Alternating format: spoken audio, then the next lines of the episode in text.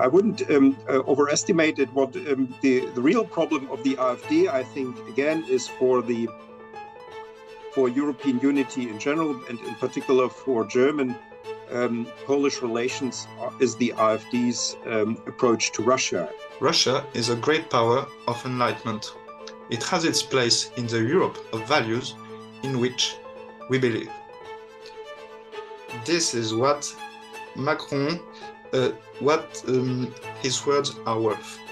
Uh, when the war began, uh, or slightly before the war started, uh, we were warning Western countries that uh, all this. Uh, that all these proposals, which were meant to stop the war, are most probably in vain. Yes, because we remember already, still in January, there were many attempts uh, also, after the uh, outbreak of war, Macron uh, called many times to Putin with some kind of proposals to stop the war.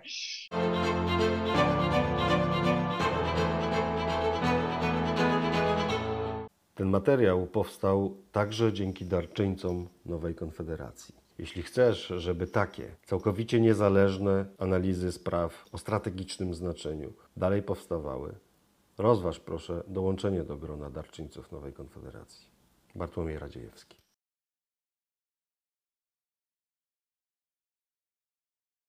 Good morning, everyone. My name is Gabriela Masztawiak, and I'm going to host today's discussion that we organize in a cooperation with the Polish German Cooperation Foundation. Uh, and today I have a pleasure of uh, hosting the esteemed participants in our discussion. Let me introduce our guests. Uh, first of all, let me introduce Professor Klaus Ziemer, who is a German political scientist and a former director of the German Historical Institute in Warsaw. Uh, Professor Ziemer's uh, research focuses on the modern history of Poland, Polish German relations since 1945, and the political system changes in Eastern Europe. Good morning, Mr. Professor. Good morning. Uh, I would like to welcome also Mr. Professor Andreas Umland, uh, a political scientist who researches the modern history of uh, Russia and Ukraine, as well as political systems transformations. Uh, Professor Umland is a senior expert at the Ukrainian Institute for the Future in uh, Kiev, as well as a research fellow at the Swedish Institute for International Affairs in Stockholm. Good morning, Mr. Professor. Hello.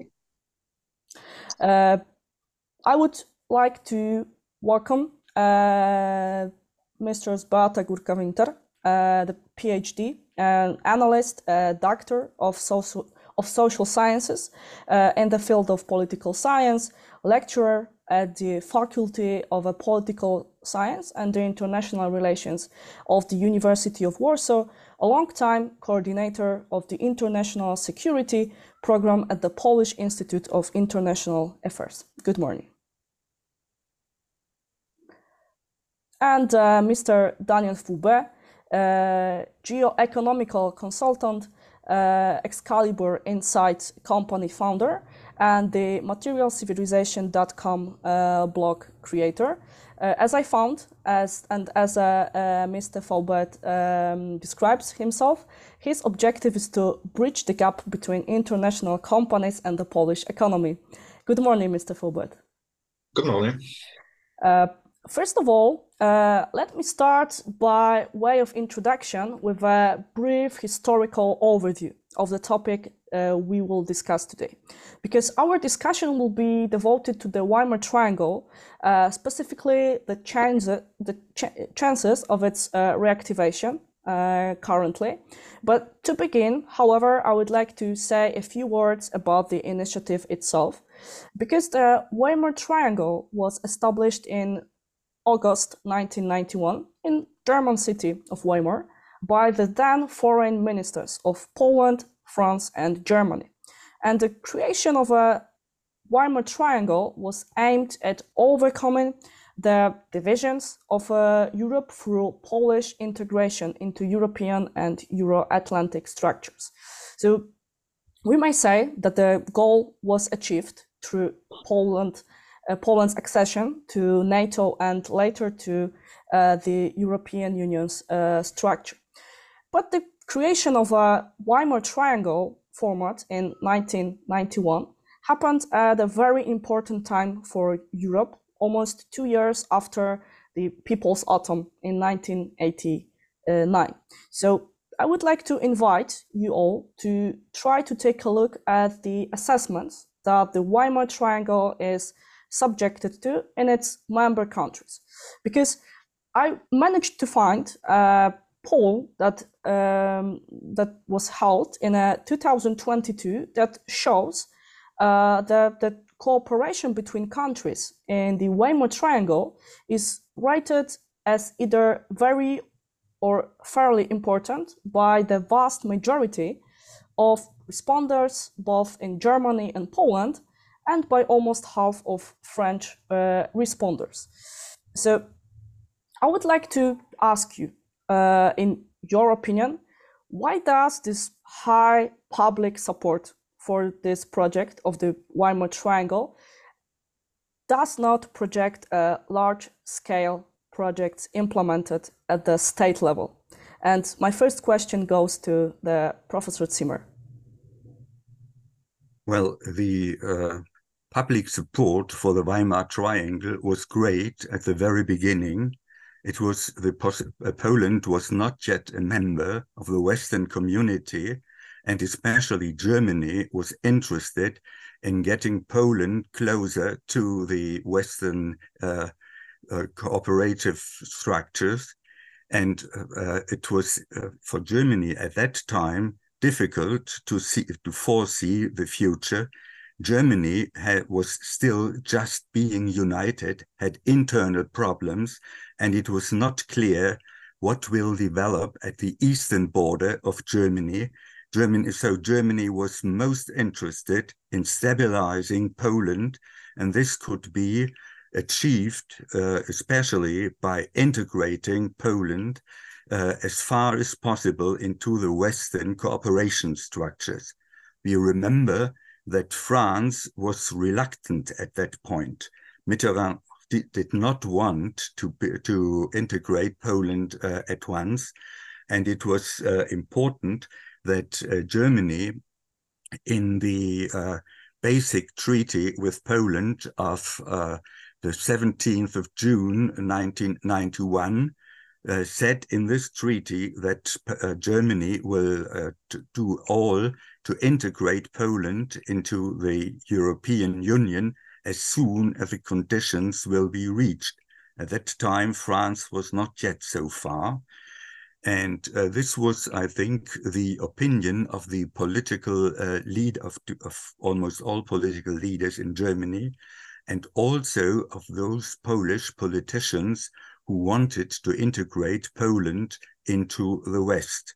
At that time, uh, Skubiszewski, the Polish uh, foreign minister, spoke about a community of interests and values between Germany and uh, Poland and this uh, community of interests and values lasted at least as long as Poland was not a member of NATO and EU. After that, uh, that changed. But uh, basically, there's a, a, big sympathy until today, I think, also in German society, to uh, integrate uh, people uh, of Eastern Europe and especially to democratize these countries and make their uh, stable partners for the Western community. Mm, that was very interesting point that you mentioned that the community of interest lasted until Poland joined uh, NATO and the uh, uh, European Union. And I would like to develop this point with Professor Umland. Uh, so what has changed after Poland joined NATO, after Poland joined uh, EU, uh, shouldn't be like this. That, this community of interest became even even more common between the nations in the same structures. One would have thought so. I'm also, I have to admit that I'm not an expert on Polish foreign policy and also not on France, rather on sort of East European geopolitics in general. And what I can here only comment on is that um, what we then were observing after um, the expand enlargement of the European Union was a parallel, if you like, uh, divergence in the foreign policies of these um, countries, of the three countries, and in particular, um, a growing divergence in the assessment of what is uh, happening in Russia. And um, I would suspect that this was one of the reasons that eventually the Weimar um, uh, format did not uh, materialize as perhaps the founders once uh, thought. Um, perhaps now things will become better again, but um, for many years, um, not the only, but um, one of the main, perhaps even the main um, issue between these three par parties in this Weimar Dreieck, Dreieck Weimar Triangle, the three main uh, the three countries was how to behave vis-a-vis Russia and also how to behave vis-a-vis um, Ukraine and uh, how to assess the growing tensions between Russia and Ukraine um, and the uh, geopolitical importance of this uh, um, of this uh, conflict. And we had these uh, peculiar policies, both of France and of Germany, towards Russia over the years, and um, and Poland was, I guess, here also um, when it was um, uh, going into these confrontations with West with the continental Western European countries, was also in a way representing um, a larger community of East European post-colonial countries that um, had uh, rather direct experiences uh, for many centuries, partly with um, Russia, and um, that had a much more skeptical view of the um, EU relationship with Russia, of the German uh, relationship, the French relationship of Russia, and the potential to to change the um, the imperial impulses of the uh, uh, Russian foreign policy thinking. Um, I, I, guess there were also other factors that hindered uh, the development of the Weimar Triangle but at least from my point of view um, here uh, from uh, so to say from Kiev, I'm now speaking from Stockholm, but I, I lived uh, the last uh, 20 years mainly in Kiev, was that this was um, certainly something that was spoiling um, almost constantly um, the relationship, um, especially between Germany and, and Poland.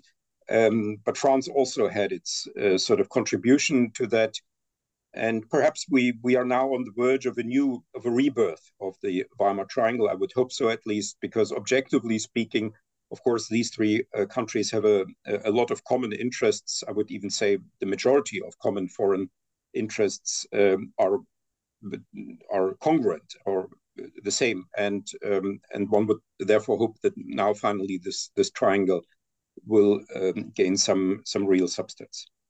Mm, Mr. Professor, you mentioned about the different perception of the threat uh, posed by uh, uh, Russia from the um, France's or Germany's um, end. But uh, I would like to reverse this uh, question and ask you about uh, about some examples when Russia made the use of this different perception of the threat by German politicians or French ones. Yeah, I mean, these are the, the, usual suspects. I mean, I think we, we all know of them. These are the two Nord Stream projects. The uh, um, in a way, you could argue that the Nord Stream one project was actually the more more consequential one. Um, it was uh, sort of came into being almost at the same time um, when the uh, when the when the second large uh, when when the enlargement happened slightly after um, and it actually had a substan- substantial um, effect on the um, uh, on the relationship between Russia uh, and the European Union on the one side, and above all um, on the relationship between Russia and Ukraine, because it, it reduced the the uh, interdependence between um, Russia and Ukraine. And the odd, um, uh, the really odd uh, aspect of all of this was that um, Germany was following this um, policy towards Russia um, uh, with the Nord Stream projects against the background of being the maybe one of the most forceful international proponents of interdependence theory, expressed in Germany through such uh, formulas as Annäherung durch Verflechtung, Wandel durch Handel, um, so uh, rapprochement through entanglement, uh, change through uh, trade, and and if you if Germany had taken seriously interdependence theory, then the German politicians should have recognized that by way of um, uh, creating more interdependence between Germany and Russia by with the Nord Stream pipelines, it was at the same time reducing interdependence between Ukraine and Russia. And so the um, the slogan in Germany of the whole of the all of these projects with, with Russia was that these were peace projects, security projects. But if you take it seriously, the interdependence theory, you should have seen that Russia, Russia uh, that Germany was actually destroying um, the interdependence between Russia and Ukraine, which is a much more fr- fragile uh, relationship, of course, a much more low than tense relationship, as we now know, but I think which one should have already known then. And um, perhaps this was not so much in Poland an issue. Um, maybe Polish politicians in general don't believe as much in interdependence theory as um, as German politicians, but German politicians believed in it. It's almost like a the ideology or one of the ideologies of German foreign policy activity. And if they really were serious, had been serious about uh, interdependence theory, they should not have done these um, these projects with Russia because th- these projects reduced Russia's reliance on the Ukrainian gas transportation system. These projects reduced the dependence of Gazprom on Ukraine, and these projects were de facto preparing the Russian assault on Ukraine uh, by reduction of this um, uh, dependence um, between the two uh, countries. So um, uh, that was, I think, uh, the main. But but there were, you know, the modernization partnership, the strategic partnership, all these, um, you know, St. Petersburg dialogue, German-Russian forum, and all these the sort of. I mean, they sounded all very nice, but if you look at the substance of them, what what they were about, these were actually, you know, strengthening the Russian state, the Russian authoritarian and imperial state, and uh, you know, after Chechnya after um, Georgia, after Syria, one should have seen what, what was happening uh, with um, with this regime, and um, the policies should have should have changed, and then they only changed when it was already too late. While uh, listening to you, what came to my mind was uh, the uh, uh, was the Zeitenwende uh, theory that Olaf Scholz issued a few days after the um, assault of the Ukraine and how it looks like in the light of the of the interdependence theory. But I will come back to this issue during the next round of the um, of the questions because I would like to still try to look for some common points between the three countries that that we are talking about uh, between the Poland, between France and Germany. And um, I would like to turn to Dr. Beata Górka-Winter and ask uh, her about very short question for the very beginning. Uh, do you think that the Russia betrayed the trust of the uh, Western politicians? Uh, sorry, but uh, you are muted. Could you please just unmute yourself? Well, of course, uh, it broke all trust. And uh, as Professor Umland uh, mentioned, all this uh, initiatives uh, which were taken to take Russia closer to Europe and to the West, and this uh, partnership for modernization was one of the flagship project of Germany. to modernize Russian state, to teach them how to implement democracy, also uh, in, within NATO, there was a slight hope that, uh, for example, when we implement, uh, when we teach them how to implement security sector reform um, and Western standards to their army, to their uh, security sector, then we can bring them closer uh, to, uh, to NATO as well. until 2019, we we had NATO liaison officers uh, uh, in NATO HQ. So uh, the hope was really great, uh, and it was always that because uh, Russia betrayed us uh, more than it was even mentioned with Chechnya, with Georgia, but silently they built uh, structures which proved to be totally authoritarian, totally uh, revanchist, uh, and uh, uh, actually uh, it was on our side that we didn't cut, you know, this reality. Uh, quicker because uh, uh, mm, 15 years ago at Munich conference, Putin already told that about his plans, yes, about his plans to reverse the history, to rebuild Soviet Union, so uh, and we just believe that it's maybe just for internal purposes that he wants to strengthen uh, russian uh, uh the support of russian society to his presidency. And it's not for our ears yes and we shouldn't listen to what he's saying about this uh, uh, restoration uh, also, uh, when I'm security specialist, so I'm concentrating more on NATO. Also, if you look at NATO and the cooperation of NATO-Russia cooperation with this council, with NATO Founding Act, uh, uh and uh, we had really a lot of fields of cooperation with Russia. It was uh, territorial missile defense. It was fight against terrorism, uh, uh, cybersecurity, uh, which is quite uh, a paradox because Russia is a real cyber cyber threat for us. Uh, uh, and we were kind of delusioned that we can cooperate with them on, uh, on fighting cybersecurity threats. Uh, so, so uh, uh, the EU, both the EU and NATO, had a lot of hope and a lot and put a lot of effort to to convince Russia to adapt to modern standards, and they even they even didn't cheat us so much because as i, I told before putin was quite open with his statement about his vision of the future of Russia, vision of the future of European security architecture, uh, what should be Russian place in this architecture, why we should actually dissolve NATO and turn all our efforts to OSCE organization as a main platform of cooperation uh, on security issues uh, in Europe. Uh, so and and uh, I mean not to mention any country by name, but many countries were quite uh, willing, yes, uh, to to support this uh, these claims, and we've heard again and again uh, about giving Russia some so, sort of security guarantees uh, during time that uh, they were already withdrawing from a main treaties of um, armaments treaties, yes, all treaties which were establishing this arm controls regimes.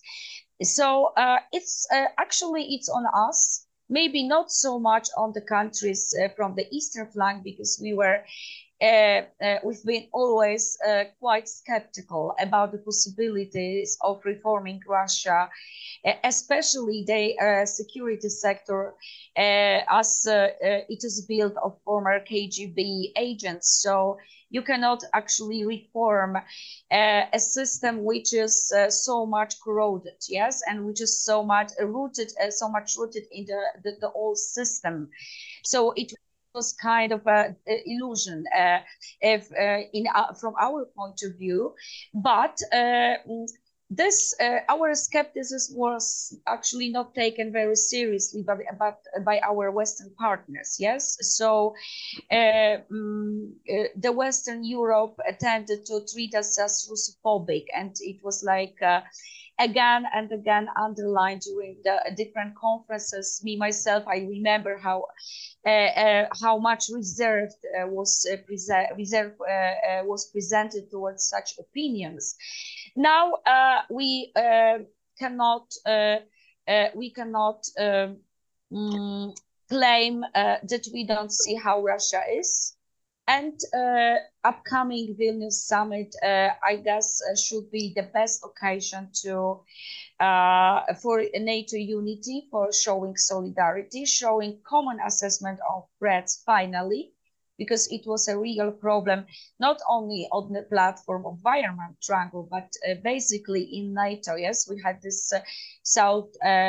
Uh, uh, north divide, uh, east-western divide, so many many different clubs and many different approaches to what is a real threat for NATO. So uh, upcoming uh, summit is a good occasion to revitalize uh, both Weimar, Weimar, Triangle and it was uh, already shown by the meeting of three presidents and uh, and uh, presidents and chancellor. and upcoming summit in Vilnius should be a good occasion to adapt or rather implement because we've already agreed that Russia is a serious threat. And today's uh, today Germany adopted uh, its first uh, security strategy in which Russia is also pointed as a serious threat. Yes, for, for so, uh, sorry to uh, sorry so to interrupt you. Uh, implementation will be a key. Yeah, sorry, sorry to interrupt you, but what came to my mind while listening to you was the question about the uh, Weimar Battle group, uh, group that was created and dissolved in uh, 2013. Do you think that we can perceive it as an example of the underestimated threat from the uh, Russia, or maybe we can just uh, come back to the uh, arrangements that we previously made and can, for example, include this Weimar Battle group hypothetically, of course, in this um, enhanced NATO presence on the uh, eastern flank? Do you see the chances for that, or Mm -hmm.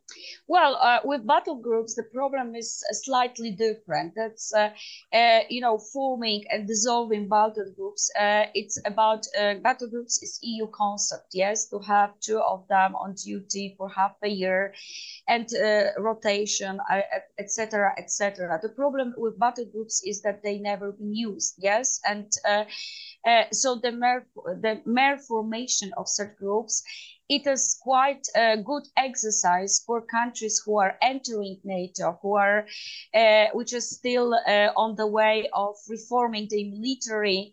It's good for exercising, for cooperation for some time.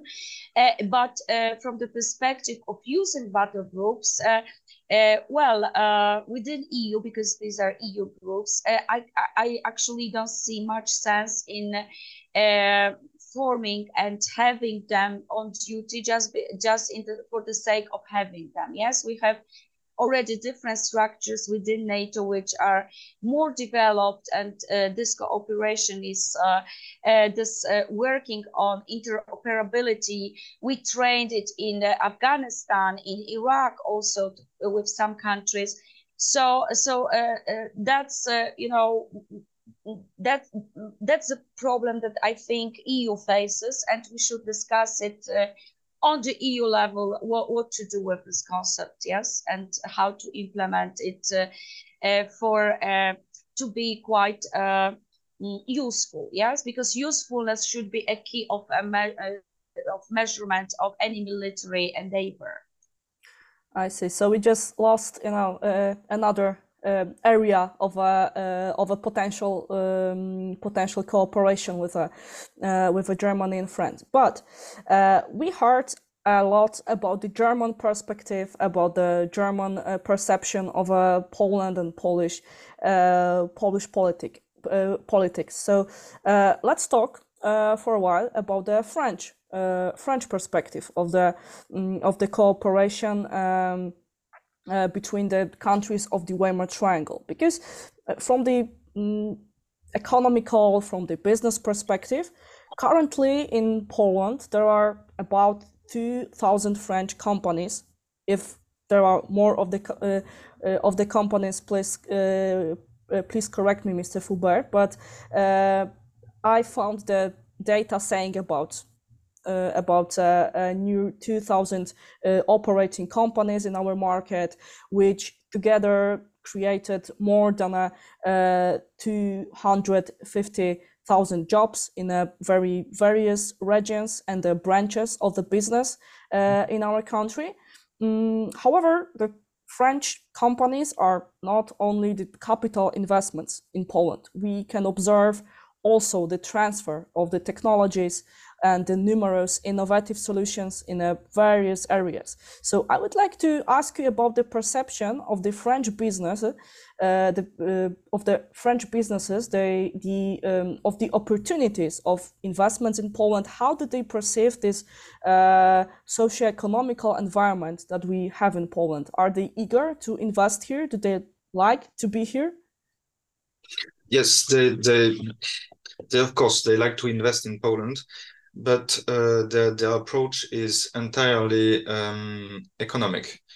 Uh, and uh, and it's not um, the, the, the French um, don't uh, don't really know Central and Eastern Europe from a, a political point uh, point of view. They are always surprised. They don't know much. Uh, actually, there is a big problem with French specialists, experts on Central and Eastern Europe because they do not speak the language. Um, there is very, very few uh, French experts on uh, Central and Eastern Europe. You, for instance, uh, Pierre Buhler, who was uh, the ambass ambassador of France in uh, in Warsaw, um, he teaches at Sciences Po, um, École nationale d'administration, um, there is also uh, Jean-Yves Potel and, uh, and uh, Piotr, uh, Biros, but it's uh, that um, that's all more or less.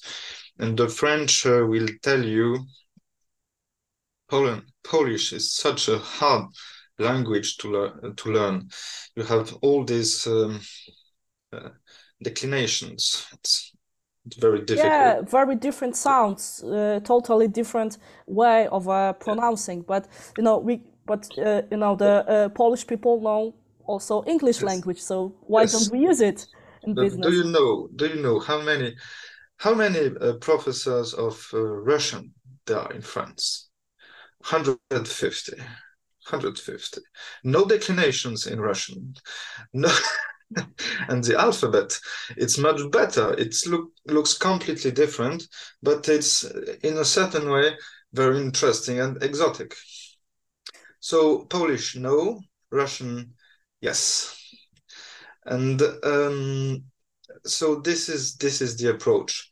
The french the french are very interested in, in the polish economy. There are lots of french businesses in in poland.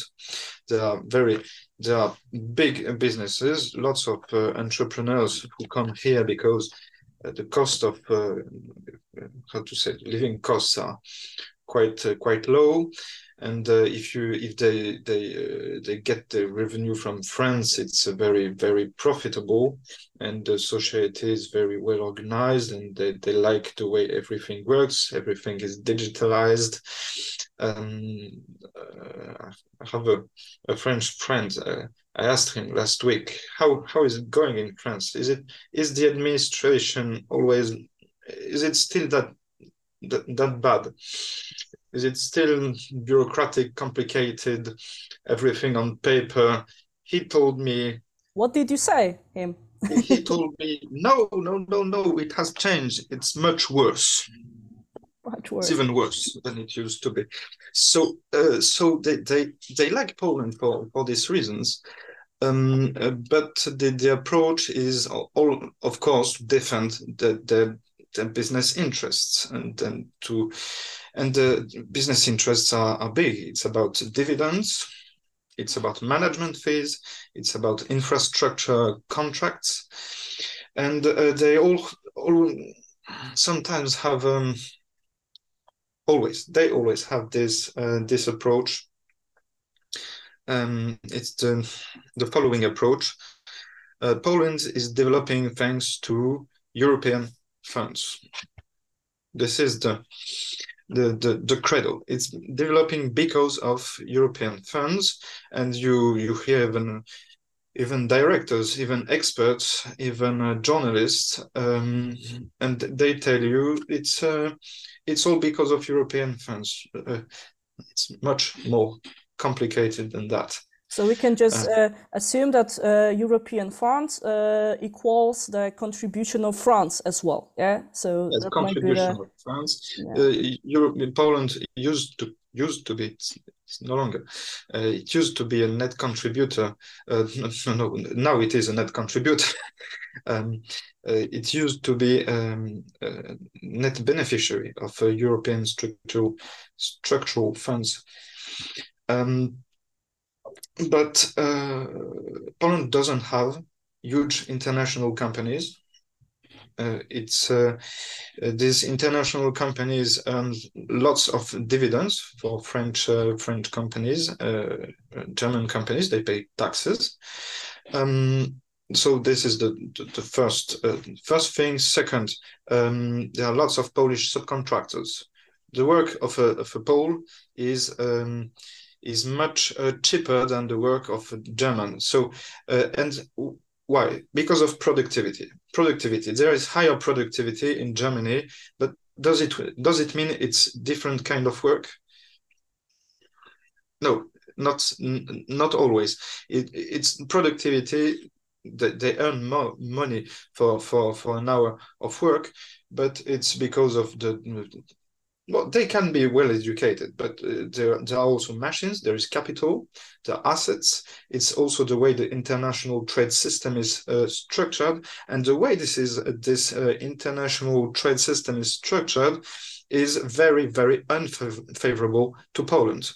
Uh, because you there are lots of Polish subcontractors, but uh, few big French and and German companies, and it is much harder to negotiate when you are uh, small companies than when you are a big company. And you know that um, in the Euro European Union, you cannot build uh, monopolies. You cannot. Uh, there are um, there are rules to to to enhance uh, competition, but uh, actually, what what we see is that the companies that were built in France, Germany, and old European powers. Um, uh, not taking into account any uh, any uh, monopoly regulation or whatsoever, um, these companies are acting as uh, masters of the European market. So here, uh, so here, in a certain way, Polish products are uh, quite under undervalued. Um, so, Mr. Mr. Foubert, I would like to ask you: Do you know do you happen to know whether the uh, French business uh, remember uh, remembers the uh, disappointments that it experienced from its partners for a long time? How do you think? I think the the the fact that France, Germany have big economic ties in Poland doesn't necessarily mean um, uh, that they will have a very generous approach to Poland mm-hmm. because they are profiting from a situation that is not necessarily fair. And uh, I am just going to finish about the the the advantages of uh, yeah of because the... I uh, I would like to develop uh, some background. Why have I posed this yes. question? Yes, uh, very fast. Um, um, so yes, first dividends. Second, the work is uh, a little bit under undervalued. Um, the big companies and um, mm, what did I want? I lost the first. Okay, sure. So I would like to uh, I would like to move forward but to the. I wrote articles sure, about that. Sure, sure. Okay, so uh, if you would like to share the link to this uh, article, we can also share it with our audience. Yes in order it's to expand my, my, newsletter on Substack. Sure, thank you very much. Uh, and um, I would like to move further to the uh, or even uh, come back to Professor Ziemer and ask uh, ask about um, very significant uh, political uh, issue that we had between the Poland and the France, and this is why I asked uh, about uh, remembering the faults of the partners of the business partners because we remember in Poland the. Uh, we, uh, we, remember in Poland the cancellation of the purchase of the French helicopters uh, that has that had an impact on the uh, frozen cooperation between uh, all of the three countries of the Weimar Triangle until 2021. And um, at the same time, uh, the Poland's conflict with EU bodies over judicial reform began. And I would like to ask you, how do you think can the European Union's actions be seen uh, in the context of an extension of the Weimar Triangle conflict, and it was totally different, and uh, France played no role in the uh, punishment of the Polish uh, Polish uh, uh, Polish regime over the judicial reform. No, I don't think that this is an extension of the Weimar uh, tri Triangle conflict.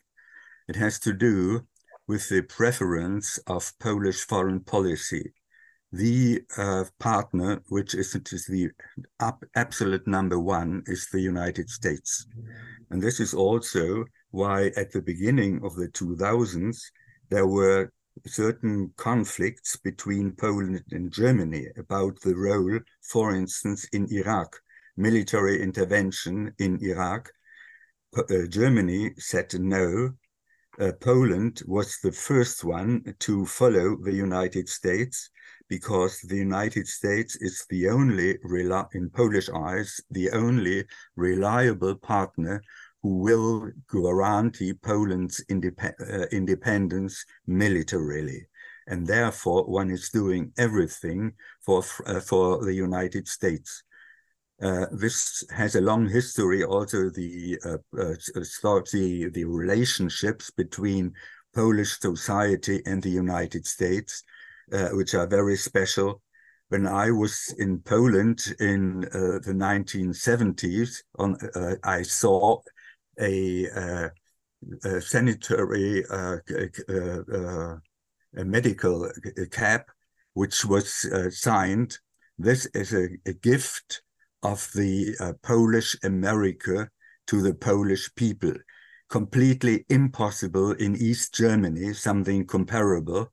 Poland, uh, Polish society has been united by many uh, uh, bounds to the United uh, States. This is one thing. And today, uh, Poland uh, is very happy to have so many uh, uh, American soldiers on Polish soil.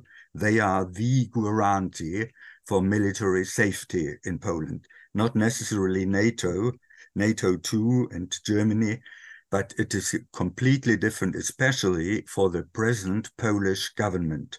And uh, there we had, uh, I think we had also to differentiate a little bit uh, which uh, part of the Polish elites is governing.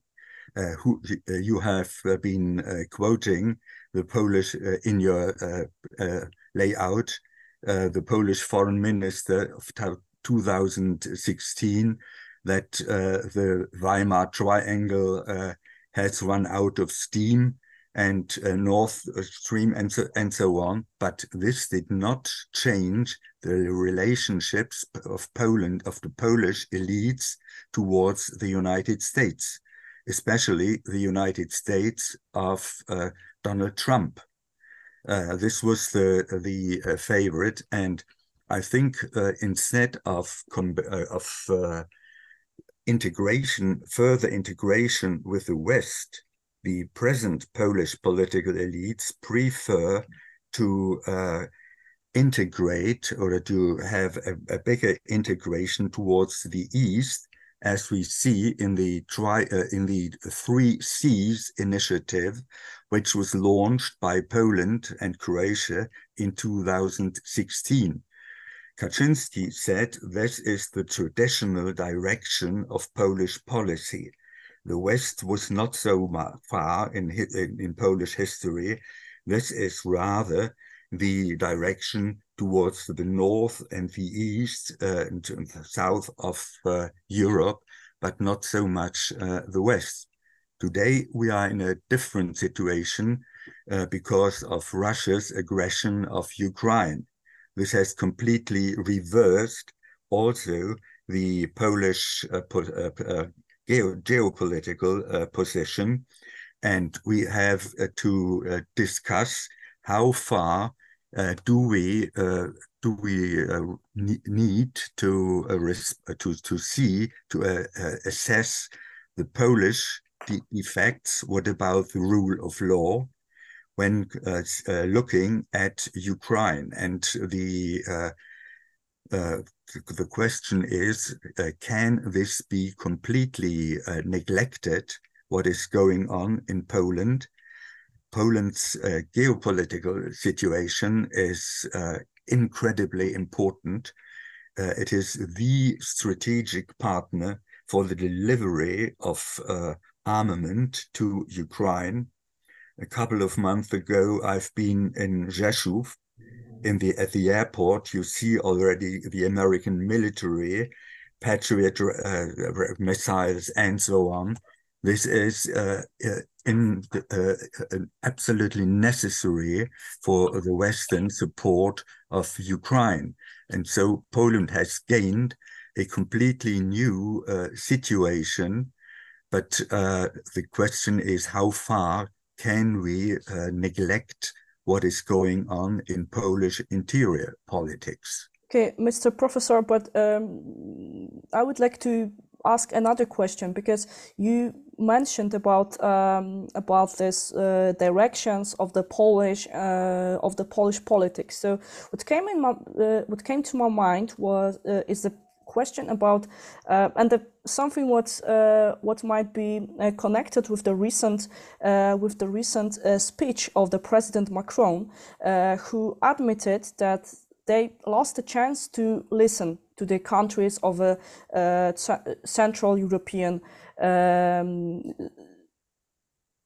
Central Eastern European countries, and yeah. I would like to um, ask you whether this maybe this happened even before when the Germany uh,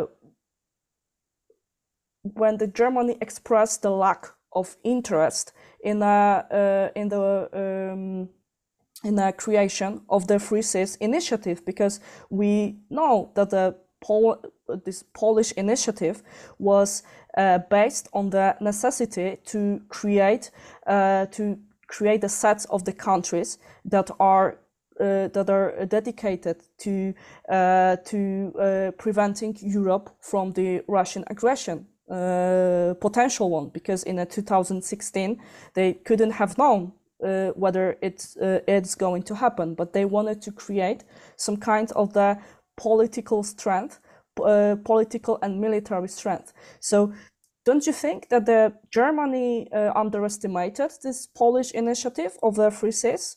Uh, mm-hmm. how it is perceived among the German politicians now?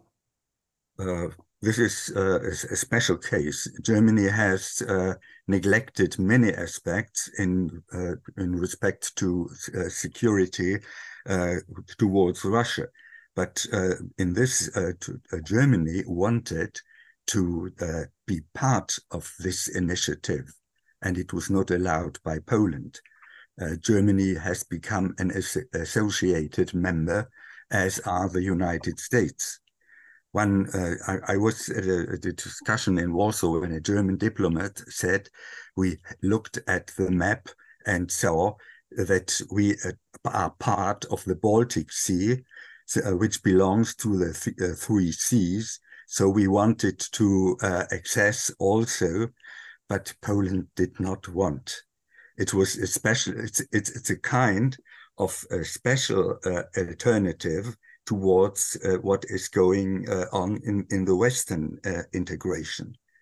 Uh, I don't know if you've read yesterday in the Gazeta Wyborcza, there was a, a, discussion in Torun three days ago and uh, Professor Przyłębski, uh, whom you know probably as the German, uh, as Polish ambassador to, to Germany, he said, when we, when, when Ukraine wins the war against Russia, we can form a Polish-Ukrainian union, which will be an alternative or even counterpart opposite to the French, uh, the alliance France-Germany.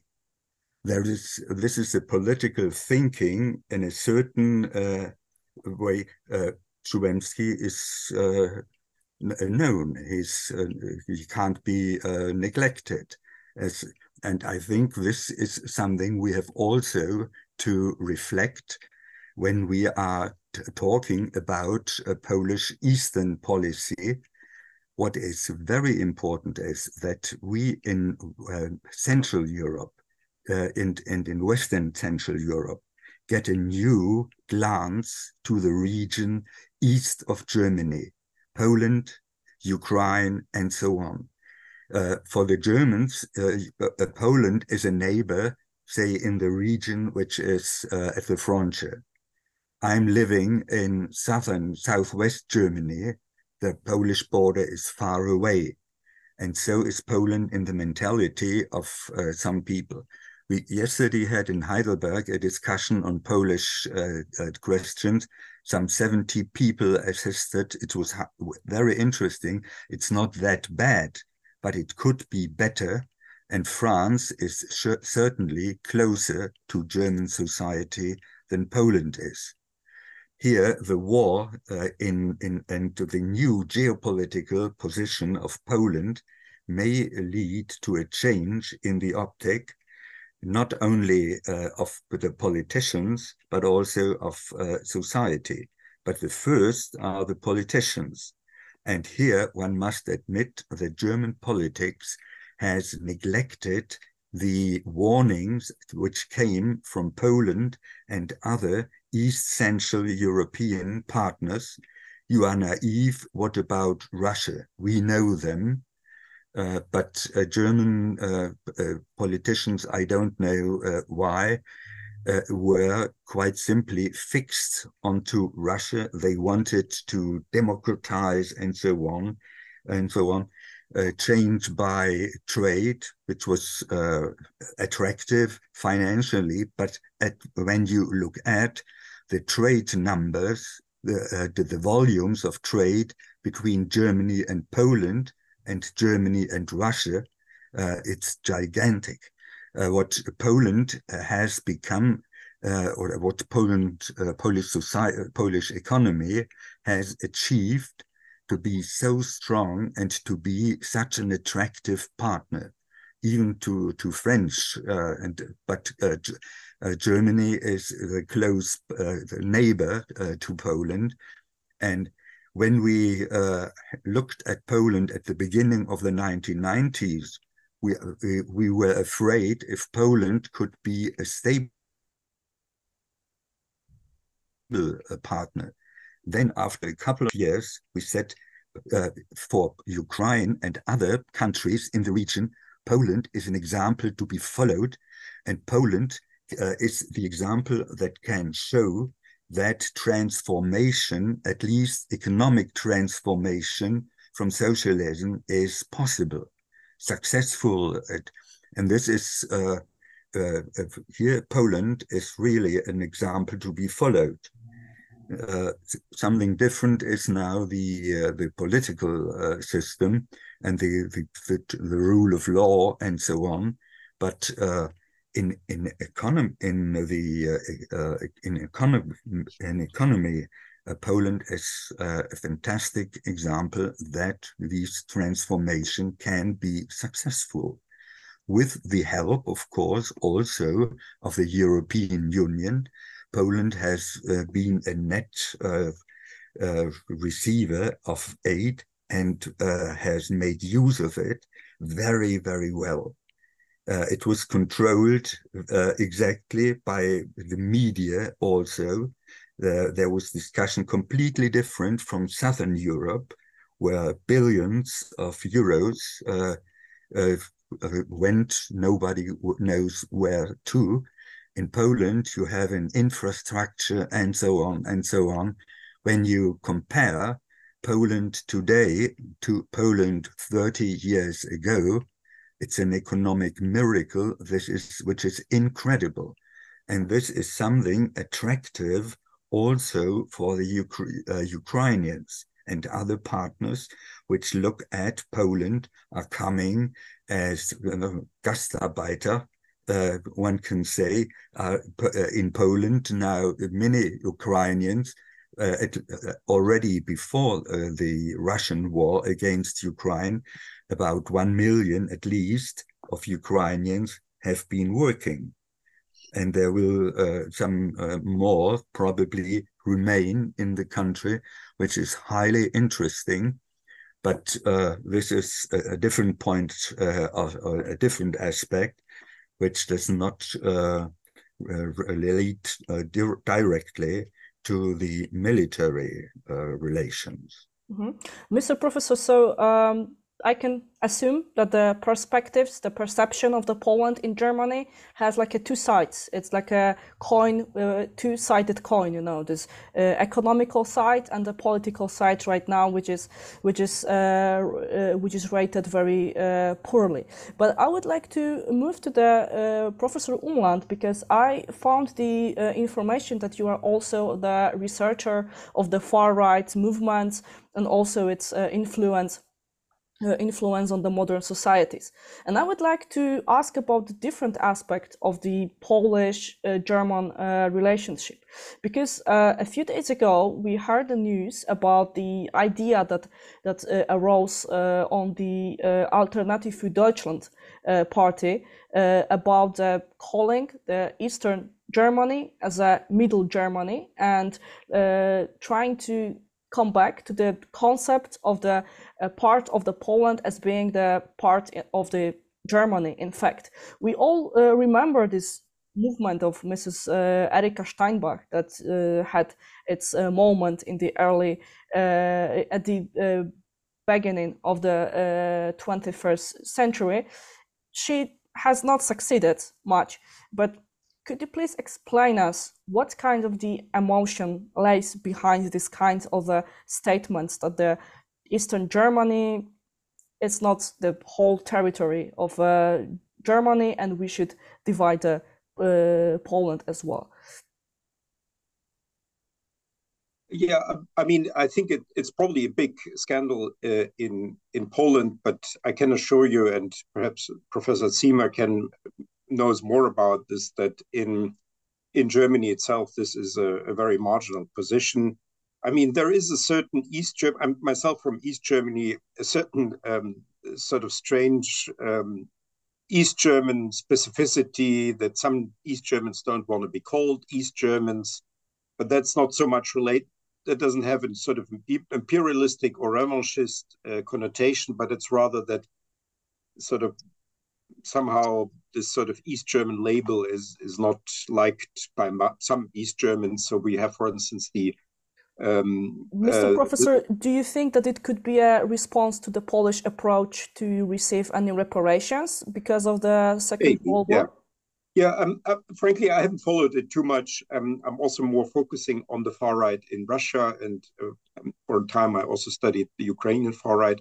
Um, yeah, but even even within the German far right, I don't think there are any um, sort of serious, large scale, you know, plans to to revise uh, the border. Maybe this is a sort of uh, um, just uh, some sort of um, uh, back uh, giving, you know, shooting back at Poland with, you know, which which goes deep deep into history, and then the Germans can also go deep into history and and make some some sort of um, claim. I wouldn't um, uh, overestimate it. What um, the the real problem of the AfD, I think, again, is for the for European unity in general, and in particular for German um, Polish relations, uh, is the AfD's um, approach to Russia and to um, uh, the Russian attack on Ukraine, because the AfD is uh, the one party that is now left. I would say that supports the Russian narrative about this war, that this was provoked, that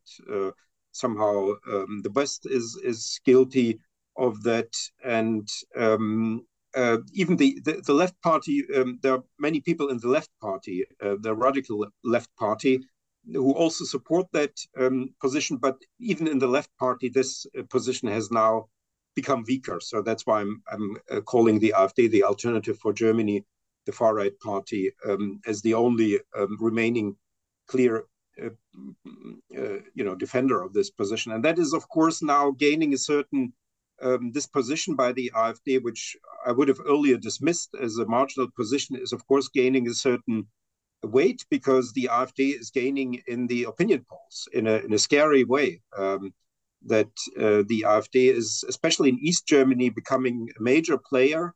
Um, and also in all German uh, opinion polls, um, the AfD is now very high and uh, um, above the, the Green Party. And um, um, so this is um, this is a but that may be not so, so much related to the AfD's position on Russia. Uh, partly it could be, uh, but my suspicion is that is more has more to do with domestic German politics.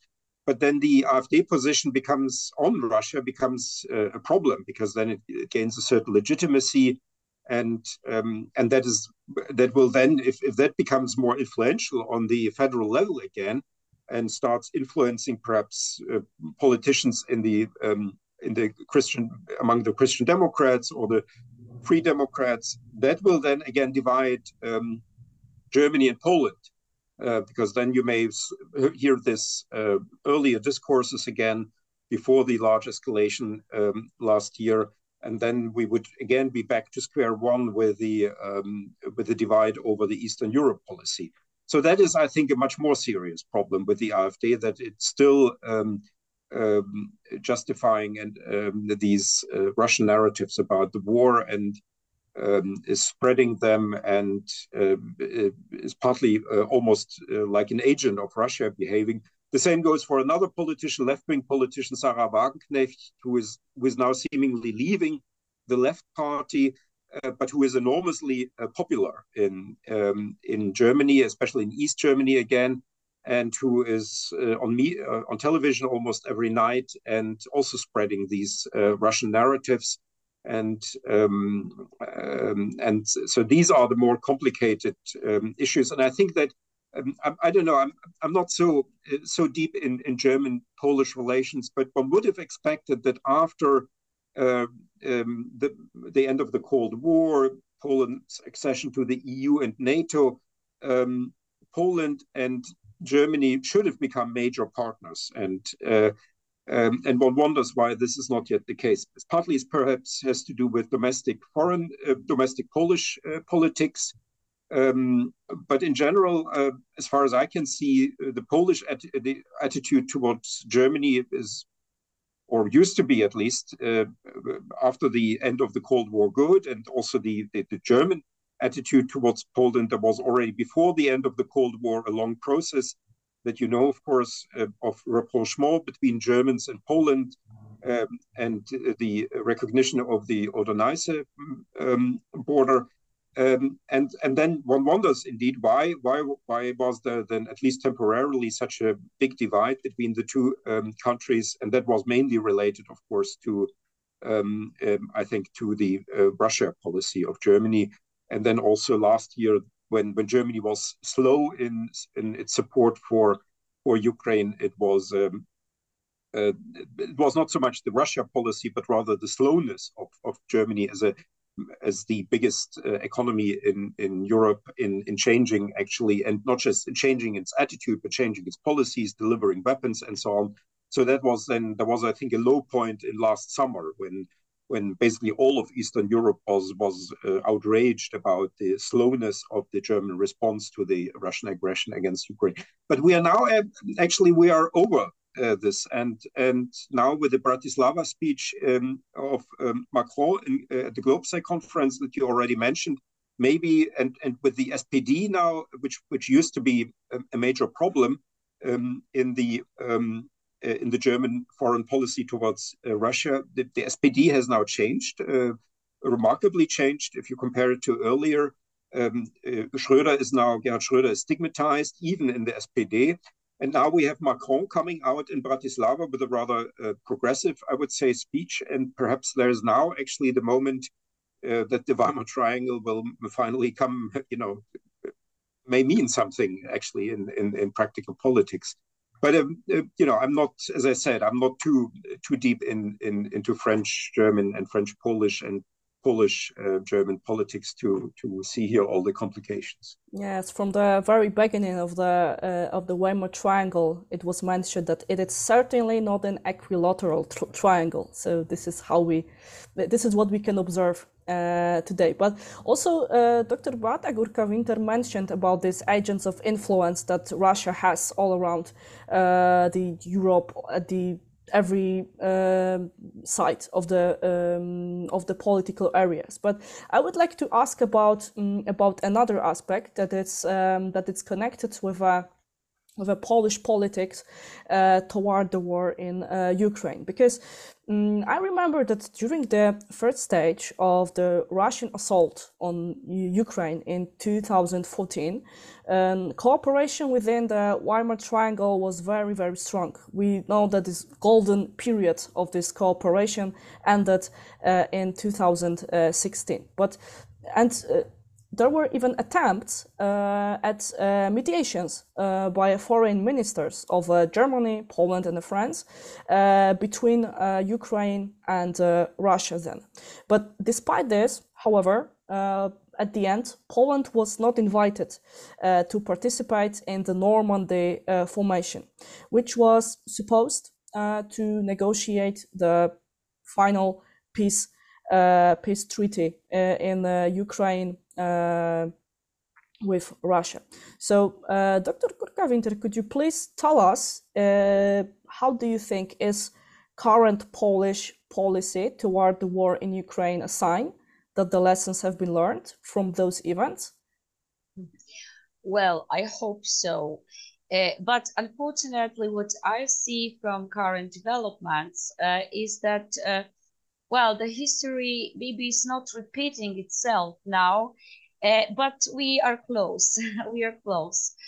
Uh, it means that uh, for many years, were obviously we were one of the biggest advocates uh, of Ukrainian membership in the EU and in NATO. Also, we had really close ties with Ukraine and putting aside historical issues which are still hard uh, on uh, uh, on our part, especially. but we were very efficient in promoting Ukraine in showing uh, Western countries uh, how Russia is operating in Ukraine, what might uh, happen if, if we neglect this threat. and also on the economic and societal level, many links, many links with Ukrainian scholars, think tankers, NGOs, students, Eh, etc., etc. So uh, at every level, uh, Poland proved to be one of the most active uh, lobbyists, yes, if I use this word, or advocate for Ukraine rooted in the West. And they are, were quite open, the latest governments were quite open to this quest for the West, yes. Uh, and uh, when the war began, uh, or slightly before the war started, we were warning Western countries that all this uh, that all these uh, proposals uh, which were meant to stop the war are most probably in vain. Yes because we remember already still in january there were many attempts Uh, also after the uh, outbreak of war, Macron uh, called uh, many times uh, to Putin with some kind of proposals to stop the war. we, in our assessment, it was not well achievable. Yes, Russia wanted this war. Russia wanted to show us how uh, it is restoring the imperium. Yes, so uh, now uh, uh, how I evaluate, uh, unfortunately, uh, we uh, we are close to the moment that maybe we are not going to be excluded from this main political uh, source of undertaking decision, but we cannot neglect the fact that US, UK, Germany, France are countries with bigger economic standing yes and uh, uh, despite the fact that Poland was the first country to accept millions of refugees, uh, uh, um, the main country who was uh, which was organizing military assistance, and we are still a hub for this assistance, etc., um, etc. Et so at the end of the day, uh, then come countries, yes, which uh, which are more po powerful in terms of economy, and uh, we already have the signals uh, that uh, uh, four countries are going to sign a sort of mm, guarantees for Ukraine in military terms and uh, we are not uh, in this group yes? We are not in this group of countries which are going to guarantee uh, ukraine's stability. Of course uh, on the one hand we can say that we are sort of excluded. On the other hand we can say that uh, we are not so powerful to, gu- to guarantee anybody's security yes? So so uh, because uh, guarantees, giving guarantees have consequences. Uh, you really have to have uh, developed military and the basic premise for having uh, developed military is having strong economy. So uh, actually despite this uh, economic miracle as uh, it was mentioned by professor still we are not uh, we are not even close yes to the level of uh, western countries like g7 countries for example. So so from this point of view and also if you consider uh, rebuilding of Ukraine, the process of rebuilding of Ukraine, uh, we have the same uh, worries, yes, uh, that uh, we will be the con- we are the country who is uh, really giving the blood in some sense, and at the end of the day, the wealthy countries and big companies like Nicola already mentioned that France is about big companies uh, and corporations, that big companies from these uh, Western countries uh, would uh, eventually come and take uh, everything uh, what has to be reformed, rebuilt, all programs of reconstructions, and we will be still subcontractors and uh, not like a leading uh, power, yes, uh, in this in this effort. Uh, of course, maybe it sounds a bit cynical that we are also thinking about uh, uh, participation and some kind of revenues from participation of this rebuilding process in Ukraine. But let's be honest let's be honest that all countries are uh, counting on that yes? Uh, the tragedy happened. We cannot reverse it. We were not the um, uh, uh the cause of of this war. Uh, but when it ends uh, our stance is that Poland should be represented both on the political level and also that's that's why I'm not so much of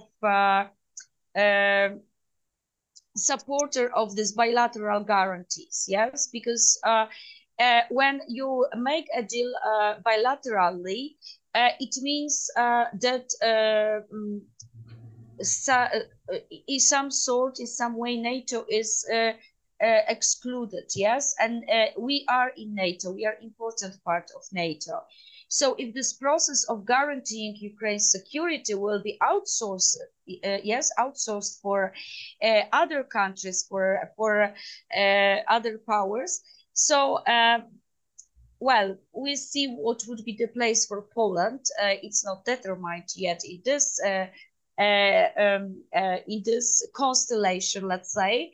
Uh, but but that's why I think that NATO should be a main organization to organize.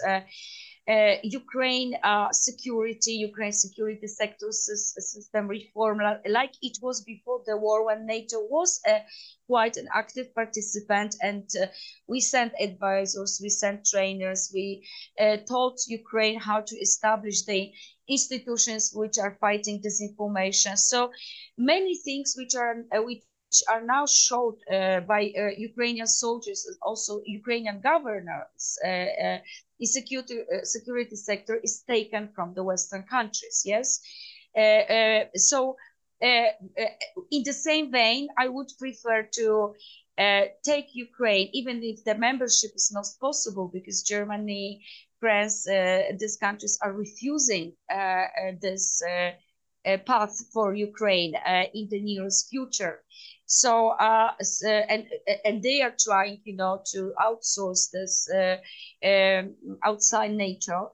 Uh, but uh, from my perspective, and this is my personal view, because I'm not representing, you know, any government or even political elites, but uh, uh, as a researcher, I, I see many risks, yes, for a Polish position in the constellation we are when we are excluded from uh, from the security deal, whatever it will be in this bilateral setting. Mr. Foubert, is uh, French business preparing to rebuild Ukraine? Yes, yes, very, very actively. uh, do you have any significant example? Oh, there was a, a conference uh, last uh, yes, last year with uh, um, uh, a, big, very big conference. Zelensky was was invited in Paris, uh, but he talked with uh, with Macron, of course, and he was invited at the big event of the French. Uh, let's say the the, the French, there's a labor union of the French. Um, uh, let's say uh, CEOs.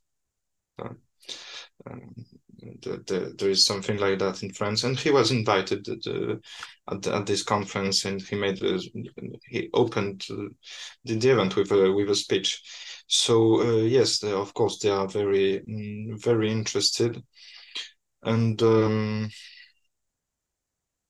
and but uh, but France has a has a different uh, approach towards Poland and uh, and and Ukraine. Um, in in Poland, French businesses are very well uh, established, and uh, and now politically it's not. Um, France is not as engaged and as it used to. Uh, and the same happened before the Second World War. In 2019, France strengthened its uh, bonds with Poland. And um, France provided military assistance, um, also some know-how assistance like for for instance de gaulle uh, like other officers were sent to to poland to help to instruct to um to to to educate uh, polish uh, officers uh, to help and uh, de gaulle like other officers uh, helped during the the, the, the polish soviet um, war so, um, so France um, also helped Poland diplomatically, for instance, in the um, the, the, the Chorzów crisis. That there was a Poland had some claims on um, uh, some very rich uh, German, uh, no German. It was um, a point of uh, say it was uh, there was a conflict with, between Germany and Poland um, and uh, and uh, France more or less supported Polish claims on these territories. So. Um, but uh, so so France did a lot a lot for for Poland. It signed a, a, a the Polish um, French um, alliance in 1921, uh, but in exchange, France got a lot lots lots of uh, economic advantages um, Polish companies were sold to France for, um, let's say, at a good price um, for much less money than what they were really worth. Big, uh, big companies. Um, half a million Polish uh, workers were sent to to France um, to work in French mines in conditions that uh, at the end of the day were much worse than what was expected, and they couldn't come come back to Poland um, because um, no, they, they discovered it was much. Uh, it, it didn't work exactly like uh, like they they Im- imagine uh, how to say because of some political circumstances you know like uh, uh, yes. it wasn't that easy for them. Yes, then they they uh, returned to Poland very eagerly. Uh, mm-hmm. Then in the 30s, hundred more than a 100,000 Poles uh, returned to Poland, and also after the Second World War, uh, 60,000. So, um, so you so, say that it was a mutual benefit between yes, Poland was, and France. It was mutually beneficial, but as you know, French, uh, the companies sold to France remain French, and uh, in 1949, um, the military assistance of France, um, well, we can have a conversation, but this is an entirely entirely yeah. different mm-hmm. debate. Mm-hmm. Okay, so we can just parallel the French approach to the Poland. Yeah, you say to the it's, Poland. It's, a, it's yeah. a risk. The French uh, French approach. Um, the French can be very generous, but like any uh, negotiator, they are defending their interests and uh, and if we look at history, uh, they they know how to defend their, their interests, and they can uh, and they can win. So if uh, even though we are the partners in uh, given the helping hand to the Ukraine, we need to prepare for the competition on the yes, Ukrainian France, market. Uh, surely, France has, yeah? France has no friends; it has partners. It has partners. Yeah, that's just a uh, that's just a common rule in the international politics. It should be. Yes. Um, okay, so uh, uh, unfortunately, time flies by, and a lot of questions still remains on my list that I would like to ask. But for the uh, just to wrap up this discussion, I would like to ask the, uh, the, the one last question, but to all of you uh, my guests and to and I ask you to uh, to respond as short as you can. Uh, but that's the question with some with some perspective uh, that reaches to the upcoming uh, summit of the NATO in Vilnius that is going to take place in five weeks. And I think we, we can uh, verify our current claims uh, after this summit because like a, three days ago, we experienced the summit at the top level of the uh, Weimar Triangle's uh, leaders uh, that took place. And um, I can't help the feeling that uh, Macron, uh, Scholz, and uh, President Duda are going maybe in the same direction, but in a very different pace. And I think that President Duda was the is the most devoted one to uh, to um, make a way for Ukraine to join NATO, to join European Union. Uh, but on the other side, we heard the statements of the very, uh, very cautious uh, statements of the Chancellor and the President Macron that we should guarantee some safety, but we shouldn't rush with uh, uh, Ukraine joining uh, joining um, NATO and European Union. How do you think? Are we going to um, are we going to um, create some kind of a common statement between these two countries, having uh, in mind uh, those statements during the last meeting from uh, Weimar Triangle, or are we going to hear three totally different voices uh, from the three leaders of the Weimar Triangle? Mr. Foubert, can we start from you? You said something very interesting. You started with your question by saying, "Are we going to to hear some common uh, common statement between those two countries?" Three countries between. Yes. Yeah. But uh, maybe I heard something else, but it's yeah. it's it's revealing. Um, it's it's interesting because um, because I think the, the this triangle triangle works. As you said, it's not a, a perfect triangle. It, it works when Poland uh, agrees with um, with what France and Germany um, uh, want, more or less. Uh, there is a French and French German tradition of not uh, listening to Poland, as Macron as Macron uh, said. But uh, let's. Um, I wouldn't give too much weight to what Macron said. Why? because some uh, I have some how to say favorite Macron quotes. Uh, in 2019, he said something very interesting. He said, "Russia is a great power of enlightenment. It has its place in the Europe of values in which we believe." This is what Macron, uh, what um, his words are worth. He knew.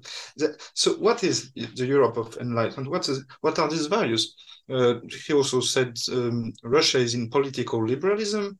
It has a relationship to economic liberalism. So, corruption, killing journalists, committing war crimes, um, and what have you. This is liberalism. So, I wouldn't take uh, what he said seriously, to be to be frank. Dr. Górka-Winter, would you take seriously what Macron said? Well, actually, uh, I prefer to concentrate on uh, uh, real things. And uh, what is real uh, is that we uh, somehow agree that NATO should be in NATO very quickly because uh, I believe that uh, this war could be prevented. Yes, if uh, not this very vague uh, uh, policy of Western countries towards Ukraine, but also quite vague, you know, uh, approach at some point of Ukraine. So both partners were not quite clear, yes, about what they want to achieve. So it's on both sides. But uh, I uh, believe that if we had Ukraine uh, in NATO, this would couldn't happen. Yes, because Russia wouldn't dare to attack a NATO country. We, just to remind you that we have the same um, hesitations about Baltic states. Yes. Oh my God, what would happen if they enter NATO? How Russia would react? You know, would Russia attack or make some but kind Finland, of uh, as well, yeah, Sweden, hmm? Finland, how Russia would yes, react. but especially Baltic countries Yeah. be- because that's uh, what they consider to be post-Soviet space. Yes, uh, which is uh, a, a quite slightly different that uh, uh, close. Uh, uh, foreign uh, uh, uh, foreign countries, but close. Yes, bliska zagranica. Yeah. Uh, uh, for them, Poland is uh, in a different role, but uh, but uh, we were also very uh, worried, yes, what Russia would do about Baltic states if they want to use uh, their uh, minority in Narva. Narva exercise was uh, uh, trained in all bo- uh, uh, the defense colleges, yes, how to react if Russia uses their minorities uh, in response to accepting Baltic states to NATO. And nothing happened because Russia wouldn't dare to attack NATO because NATO is United States. Yes, so attack on NATO is attack on United States. That's as simple as that. So Not can- everybody perceive it this way. You know, they uh, say that well, all- we have Article Five, so yeah, but that's for another uh, discussion. yeah, definitely. we have Article Five, uh, which is valid. So, uh, so uh, if we can agree on this minimum and membership is a minimum, uh, then we can agree that maybe uh, membership in, in the EU, and I, I'm sure we can agree on that, is not the best thing uh, for Ukraine, you know, to do in the like a two, three uh, years perspective, because EU is quite, uh, it's a completely different organization, and you really need to be committed to standards, and we cannot neglect it. Yes, we cannot neglect the standards, and uh, adapting acquis communautaire, uh, fighting corruption, which is still the case in Ukraine, and it, it's very heavy. Uh, just yesterday, we have uh, we had a workshop with Ukrainian participants uh, uh, from different Ukrainian organizations, from academia, NGOs, uh, banks, you know, business, and they showed us a very interesting poll uh, in which uh, Ukrainians are perceiving corruption as bigger threats than Russians. So you see, uh, even themselves, that yes, corruption was on the first and Russians was the second. So it, it is astonishing uh, because uh, from our perspective, we know that Ukraine uh, is dealing well. Uh, I mean, they, uh, they have quite a large and nice setup of organizations which are fighting corruption and they have achievements and they are, uh, you know, better in rankings. But still, that that's a harsh reality when you enter, when you cross the border. So, so let be let them be you know uh, um, good good pupil yes in terms of uh, fighting uh, all these uh, things which uh, uh, which are still a barrier to enter the eu and let's wait yes how they perform let's wait how uh, how they will reform the the sectors chapter by chapter because you know any advancement here wouldn't be profitable for them especially yes because they really need to build a, a strong state. They but they showed NATO they they have strong security system, which is allowing them to enter NATO because NATO is mostly about uh, uh, interoperability and having a properly set uh, security system. But it's not about the, the whole country, it's not whole the uh, whole government, and uh, other sectors needs to be reformed as well. So uh, they can wait for EU membership. Uh, they cannot wait for NATO. That's that's my opinion. Thank you very much. And Professor Umland, what do you expect from the summit in Vilnius? Um, just for the sake of discussion, I would perhaps make a, um, the opposite view, a point that um, from the one Beata just made, that my um, my expectations from the summit are not very high. Maybe we will get these security guarantees. Um, but um, the problem is going to be that for the accession to NATO, you will need the 31 votes, or hopefully soon 32 votes. Each country has a um, a veto, and and now if you know if you look at, at what the problem Sweden has now, where the stakes are much lower, which is basically a sort of you know almost a ridiculous uh, accession process. You know uh, my my sometimes I'm, I'm very harsh when ukrainians insist that they should get into nato immediately. Um, i mean i i would be all i'm all in in, in favor of it and uh, you know better today uh, than tomorrow. Um, but i think what what will happen eventually that ukraine will will only get into nato when it will not need NATO that much anymore. So uh, that is unfortunately how this uh, functions. It's like with an insurance that you cannot sign when you have the case actually. Um, when you know when the insurance case is already there. So usually you you sign an insurance when there's no active uh, need for the um, insurance. About the EU accession, I'm slightly more uh, optimistic perhaps than um, Beata because what we have now is this hard conditionality um, situation, the EU can use um, the instruments it has to pressure uh, Ukraine into reforms.